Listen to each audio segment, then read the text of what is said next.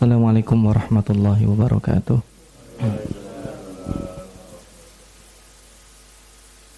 Bismillahirrahmanirrahim. Alhamdulillah. Alhamdulillahilladzi amaddana bi anwa'in ni'am wa faddalana ala sairi khalqihi bi ta'limil ilmi wal bayan. Allahumma salli wa sallim wa barik ala sayyidil anam sayyidina Muhammadin sallallahu alaihi wasallam wa ala alihi wa ashabihi ajmain amma ba'd.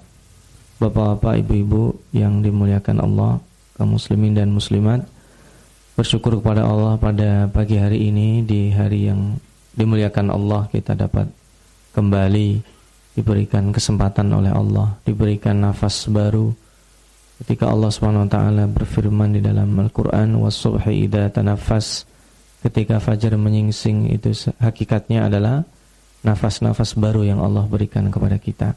Mudah-mudahan nafas baru merupakan harapan uh, kita bisa memperbaiki apa yang telah lewat dan mengisi beberapa hal yang belum kita maksimalkan.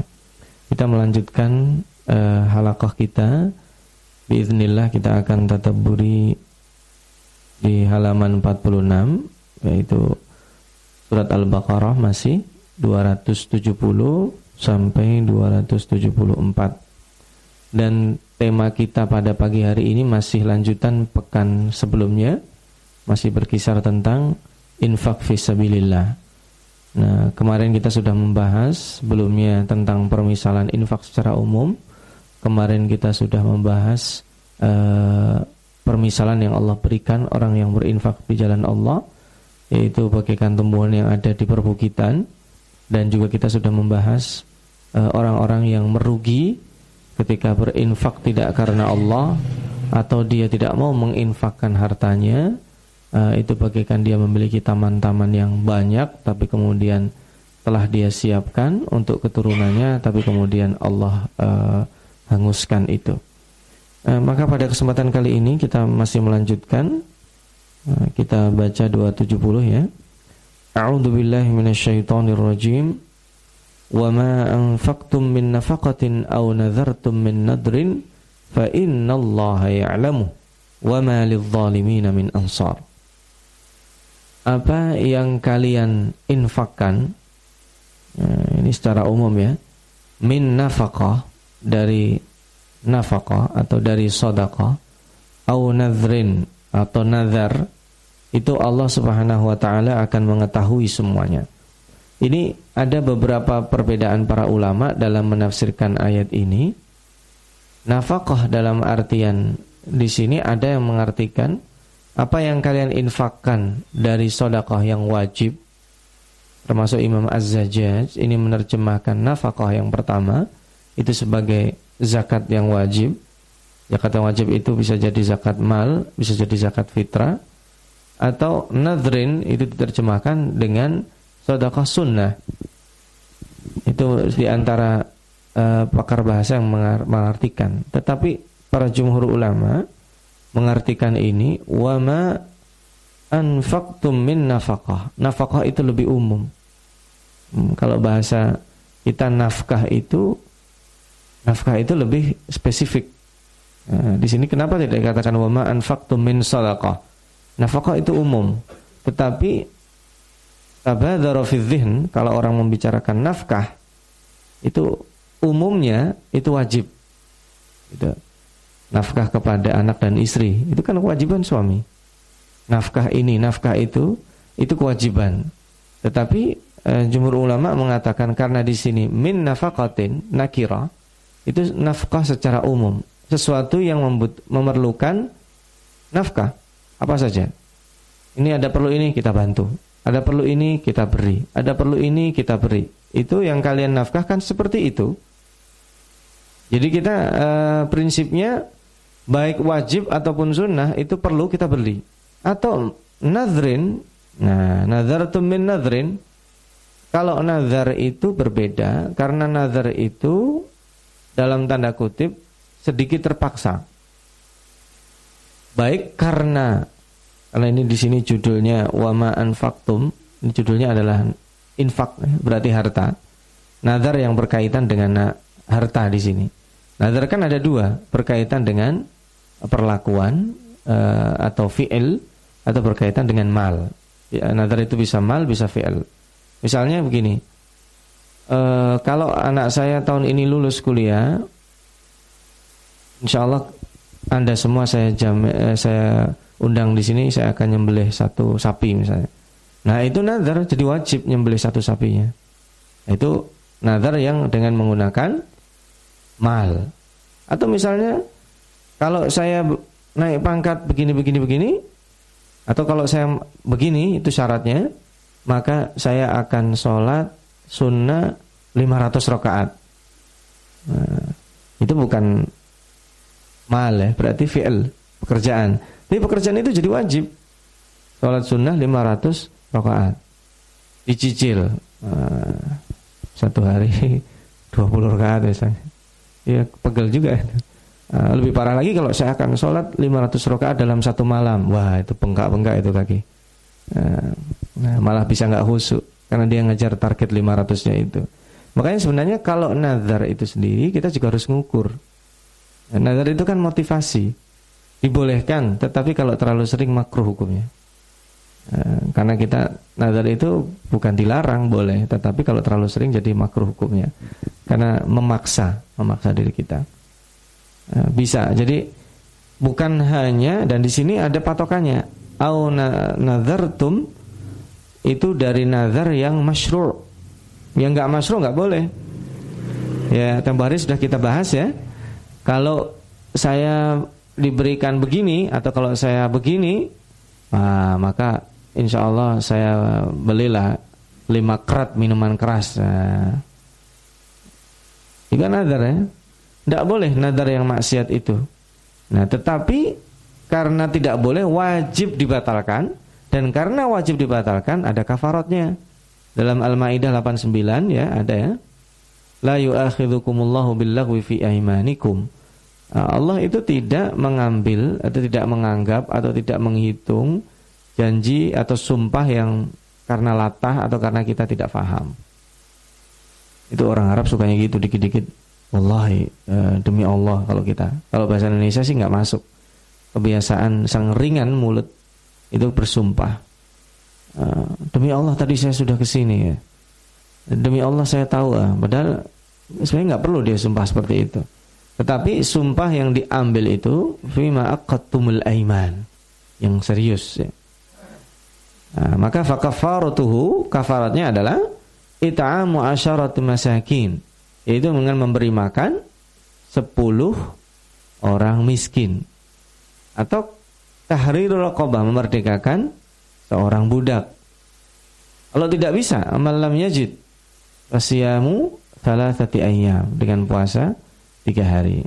Dzalika kafaratu aymanikum idza halaftum. Kalau kita berjanji bersumpah atau nazar tapi nazarnya harus dibatalkan karena melanggar syariat itu tetap harus membayar kafarat. Fa Allah ya'lamu, Allah Maha tahu. Jadi yang kita nafkahkan ini wajib, ini sunnah, ini apa, ini apa, Allah yang tahu. Wa ma min ansar. Nah, ini konteksnya menarik. Bahwa orang yang menafkahkan di jalan Allah atau bukan, orang yang mengeluarkan hartanya untuk menyumbat kebaikan, orang yang menahan hartanya menahan hartanya kan juga zalim. Berarti ini dia punya idol idol aset. Asetnya di diidolkan dipasifkan. Padahal orang lain bisa menggunakan itu maka itu orang zalim orang seperti ini baik yang menghalangi kebaikan atau yang mempunyai potensi kebaikan dia tahan itu termasuk orang zalim dan orang zalim seperti itu tidak memiliki penolong dari murka Allah. Jadi min ansor di sini artinya penolong dari murka Allah di dunia maupun di akhirat. In tubdus sadaqat fa ni'ma hiya wa in tukhfuha wa tu'tuha al-fuqara fa huwa khairul lakum. Kalau kalian tubdus sadaqat itu menampakkan sadaqat di sini juga sama dengan sebelumnya. Ini yang menarik ya di dalam ayat yang kita pelajari sekarang ini variatif. Nafkah nazar, sekarang sedekah. Nanti ada lagi. Jadi sedekah di sini meskipun alif lam spesifik tetapi umum. Bani imma hiya. Baik yang wajib maupun yang sunnah, kalau kita memberinya secara terang-terangan, ada konvensi pers, tahun ini saya mengeluarkan zakat 10 miliar misalnya, diundang semua wartawan, imma hiya. Itu bagus. Nah, aslinya ni'mah ya itu jarang dipakai, aslinya nikmah. Itulah senikmat-nikmatnya. Maka ada dalam salah salah satu hadis ada dua bacanya. Ni'imma bil malis salih lirrajuli salih. Tapi yang terkenal kan nikmal malis salih lirrajulil salih. Jadi senikmat-nikmatnya atau sebaik-baiknya harta yang baik itu di tangan seseorang yang baik. Kalau orang yang baik kaya, oh udah santai aja kita. Hartanya nggak akan ke mana-mana, pasti kebaikan aja isinya. Nah, tapi kalau seandainya harta itu sudah tidak baik, jatuh di tangan pendekar berwatak jahat, nah, habis itu. Minimal akan dihambur-hamburkan. Nah, lebih parah lagi dibuat bisnis senjata, buat ngebunuhin orang. Lebih parah lagi dibuat menindas orang. Lebih parah lagi dibuat menzalimi orang. Maka di sini fani imma baik. Karena dengan istilahnya ibda'us sadaqat itu bukan untuk ria. Tapi dia untuk memotivasi dan menginspirasi. Tapi ada pilihan berikutnya, ada orang yang tidak nyaman. Sebagian kita tidak nyaman dengan sedekah seperti itu. Dia khawatir. Bisa jadi pada saat saya menafkahkan, ini saya sumbang 1 M, pada saat itu ikhlas, tapi 10 hari berikutnya bisa jadi nggak ikhlas. Wah, ternyata saya ya penyumbang paling banyak. Nah, itu bisa mengganggu. Ada alternatif kalau seandainya kita tidak mampu seperti itu atau tidak maksimal. Di sini ada terusannya wa in tufuha. Nah, tapi menarik di sini, wa tu'tuhal fuqara fa huwa khairul lakum. Nah, ini yang disebut di dalam bahasa Al-Qur'an, Allah sering menyebut dengan karimun. Apa artinya karim? Dermawan. Tapi bukan hanya dermawan, karim itu memberi dan memuliakan orang yang diberi. Nah, kalau saya beri dengan melempar itu memberi menghinakan. Bapak-bapak yang mau ambil sodako di rumah saya antri dari jam 6 pagi, tapi dia baru keluar jam 12 siang. Itu nyiksa. Yang mau ambil sodako di rumah saya antrinya 10 km panjang dia. Itu menyiksa. Maka di sini Wa in tuhfuha kalau disembunyikan wa tu'tuhal fuqara itu di situ ada secara simbolik berarti kalau kita memberikan sedekah kepada orang yang miskin dan fakir itu disunnahkan itu dirahasiakan untuk melindungi psikis orang yang kita beri dan untuk memuliakan dia. Makanya di dalam di dalam zakat itu khudh. Apa artinya khudh? Berarti ada perantara yang disebut dengan amil. Kita tinggal telepon aja saya punya zakat segini segini segini, tolong ya diambil ke rumah saya. Atau segini segini segini mana ada ininya biar saya transfer. Nah, itu zakat. Nanti orang yang amilnya by order, oh saya ingin harta saya disalurkan ke bla bla bla bla bla. By order.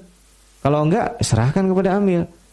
Nah, atau secara spesifik pada si A, si B, si C yang memberikan adalah amilnya. Sehingga terjadi harmonisasi ketika mereka bertemu di dalam salat jamaah di masjid. Orang lain yang tidak bersangkutan tidak tahu bahwa ini dua orang yang berdampingan, yang satu pemberi, yang satu yang diberi. Nah, itu disebut dengan memuliakan orang yang dibeli. Nah, ini juga bagus. Dua-duanya ada sisi positifnya. Nah, apa yang akan Allah berikan kepada dua orang yang melakukan ini? Wa yukaffir ankum khairul lakum tadi lebih bukan bukan berarti lebih baik. Itu baik juga. Wa yukaffir ankum min sayyi'atikum. Nah, ini takfir sayyi'at itu e, seperti halnya takfirudz dzunub. Kita diputihkan dosa-dosanya oleh Allah Subhanahu wa taala. Itu kan yang kita inginkan. Dosa kita tidak dianggap selama-lamanya, bukan hanya di dunia. Jadi kita kalau doa jangan tanggung. Ya sattar ustur uyubana Seruyubannya itu dari sekarang sampai nanti jangan sampai ya Allah sekarang tutup aibku. Tapi nanti di akhirat dibuka, ah, itu juga sama juga bohong. Maka tutup aibku itu artinya selama-lamanya. Makanya di sini disebut takfir, yukafir. Ya, yukafir itu kan artinya banyak. Mengkafirkan itu kan sudah tidak menganggap Islam kan? Islam sudah tidak anggap tidak ada. Maka yukafirus sayiat itu sudah dianggap tidak ada kejelekannya. Nah, yukafir ankum min sayiatikum wallahu bima ta'maluna khabir. Allah Maha tahu terhadap apa yang kita lakukan. Itu uh, uh, satu tema ya. Kemudian yang berikutnya, laisa 'alaika hudahum walakinallaha yahdi may yasha. Engkau tidak dibebankan Muhammad dan juga kita para dai, orang yang mengajak kebaikan, tidak dibebankan bahwa harus berhasil. Laisa 'alaika hudahum. Engkau tidak bisa memberi hidayat. Siapa yang beri hidayat? Walakinallaha yahdi may yasha. Tapi tugas kita itu berusaha punya anak, punya orang tua, punya tetangga, ajak aja. Ya, tapi kan dia ajak aja. Tapi kita tidak punya kewajiban sampai berhasil mengajak. Sudah segini tua, belum sholat-sholat juga, ajak aja. Sudah segini kayaknya belum haji-haji juga, ya diajak aja, dikasih. Sudah segini ini tapi juga nggak tobat-tobat, diajak saja berbuat baik. Tapi tidak tidak punya kewajiban. Laisa alaika hudahum. Walakin Allah yahdi mayasya. Itu kita hanya sebagai sebab. Makanya salah satu doa kan Allahumma hadina wahdi bina waj'alna sababan liman ihtada. Ya Allah berikanlah petunjuk kepada kami wahdi bina dan berilah petunjuk orang lain dengan kami waj'alna sababan liman ihtada dan jadikanlah kami sebab terhantarnya petunjukmu kepada orang lain. Jadi kita kehadiran kita ini uh, bisa dijadikan sebab sampainya petunjuk Allah, tapi kita bukan segala-galanya. Makanya tidak wajib ya di situ. Nah, kembali ke tema lagi, wa ma tunfiqu min khairin fali anfusikum wa ma tunfiquna illa ibtigha'a wajhillah wa ma tunfiqu min khairin yuwaffa ilaikum wa antum la tudlamun. Ada tiga di sini. Apa yang kita infakkan pada hakikatnya itu adalah untuk diri kita. Dan itu mah yang pertama itu e, disebut sesuatu ya atau mausul sambungan. Yang kedua nafi atau nahi. Yang kedua itu e, anjuran atau larangan ya. Wama anfaq wama tunfikuna illa dan janganlah kalian dan tidaklah kalian memberikan nafkah diusahakan kecuali hanya untuk mengharap wajhillah di sini majas ya. Illa ibtigha'a wajhillah itu kalau dalam bahasa manusia saya melakukan sesuatu karena ingat posisi seseorang. Di, gimana kalau bahasa kita ya? E, kalau bukan karena orang tua saya, kamu nggak saya beri. Nah kan gitu ada ya. Atau misalkan ada orang mengajukan proposal kepada kita, aslinya kita nggak mau beri, tapi karena melihat siapa yang mengendorse, uh, maka kita kasih. Gitu. Saya kira mudah-mudahan misalnya bisa ya, karena ilab tiga wajilah itu ada seseorang datang ke rumah kita meminta misalnya, kita aslinya nggak mau, tapi ketika dapat salam dari Pak Fulan, wah kita nggak enak kalau nggak ngeberi kan, nah maka kita kasih orang itu. Nah sekarang bukan karena orang itu illa wajhillah. Kita nggak enak kalau nggak memberi. Kenapa? Karena Allah yang ngasih kita. Apalagi kita dari orang yang susah. Orang yang susah kemudian jadi orang yang yang serba mudah. Kita masih ingat masa-masa sulit kita. Semua orang semuanya susah. Lahir orang nggak bawa apa-apa kok, nggak punya apa-apa. Lahir bahkan dalam kondisi telanjang, tidak punya pakaian. Bahkan bukan hanya fisiknya, dia lahir nggak punya nama. Lam yakun syai'am madhkura, itu sebelum dia ada, nggak ada orang nyebut. Begitu lahir keluar dari ibu per, uh, perut ibunya, rahim ibunya, nggak ada. Kemudian langsung dipanggil, eh si A sama ibunya ada. Belum pernah saya dengar ya, ada bayi lahir langsung dipanggil namanya. Ada nggak?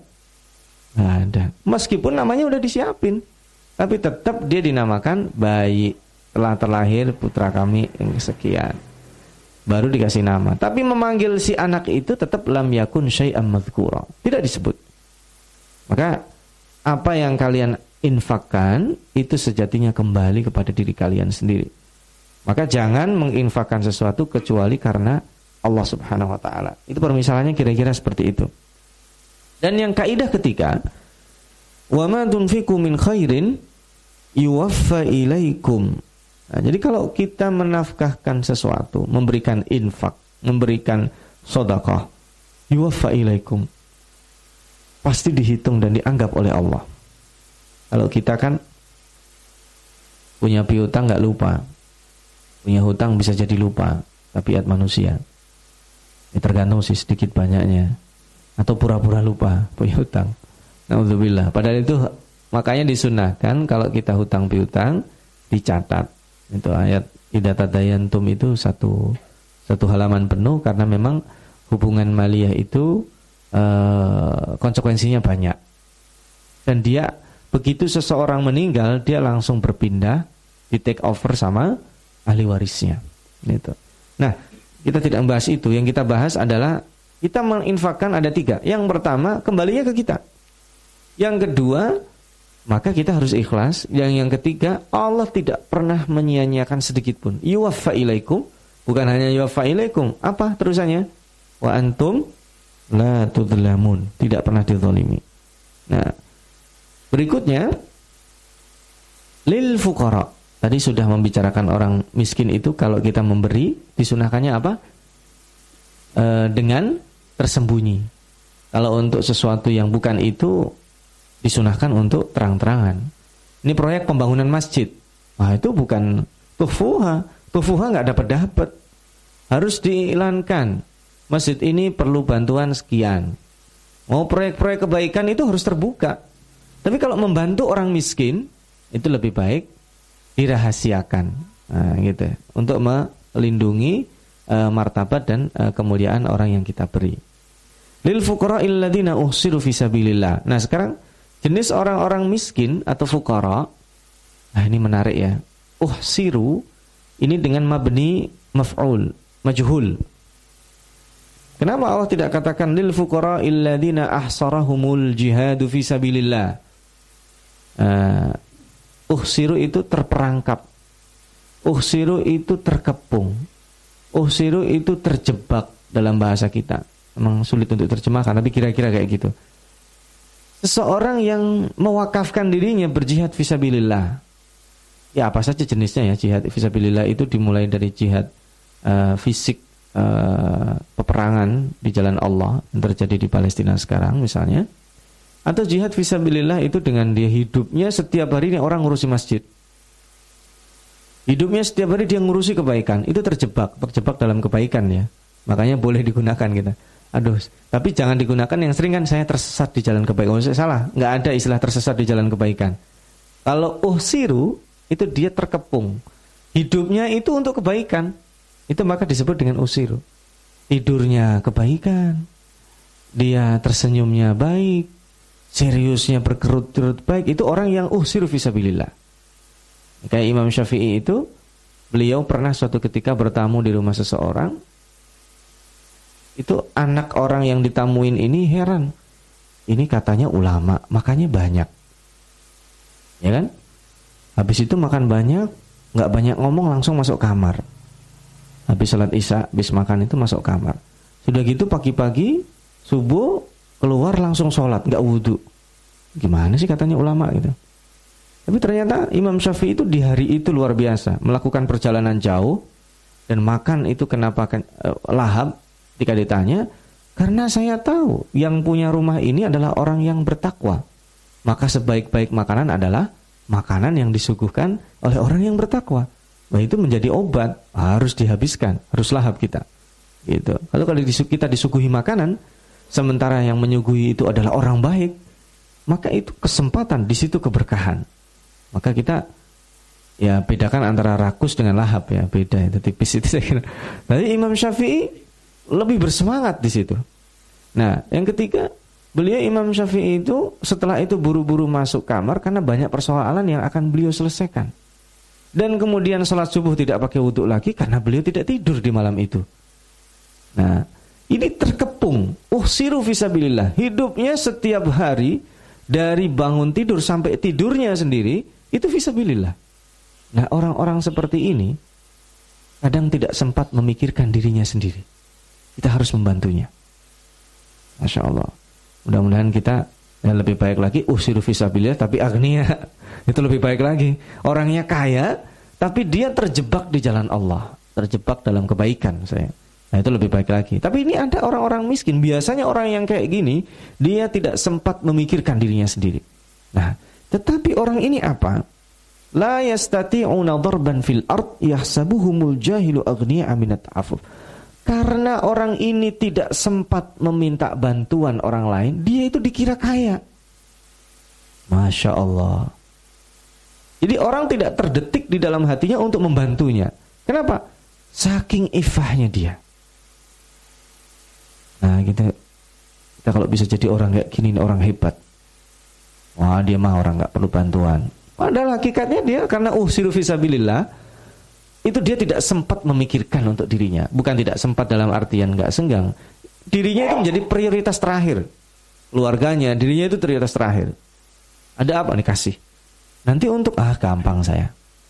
Nah itu karena dia usiru fisabilillah. Hatinya itu sangat baik sekali sehingga dia terjebak di dalam uh, di dalam jalan Allah itu. Itu luar biasa orang kayak gitu. Ta'rifuhum bisimahum. Anda bisa mengetahui ciri-ciri mereka. Apa itu? La yas'alunan nasa ilhafa. Ini Masya Allah lagi. Dia tidak pernah meminta kepada orang ilhafa. Ilhafa itu nggak tahu saya terjemahannya di situ apa. Tapi ilhafa itu dari lahaf-laf itu selimut. Jadi ada jenis orang kalau kita meminta kepada kita, itu kita nggak kuasa menolaknya. Itu ilhafa. Eh, Imam Az-Zajjad Al-Farra beberapa pakar bahasa itu menerjemahkan la yas'alunan nasa aslan. Jadi memang dia sifat dasarnya itu tidak mau minta. Alladzina yunfiquna amwalahum bil-laili wan-nahari sirran wa alaniyah.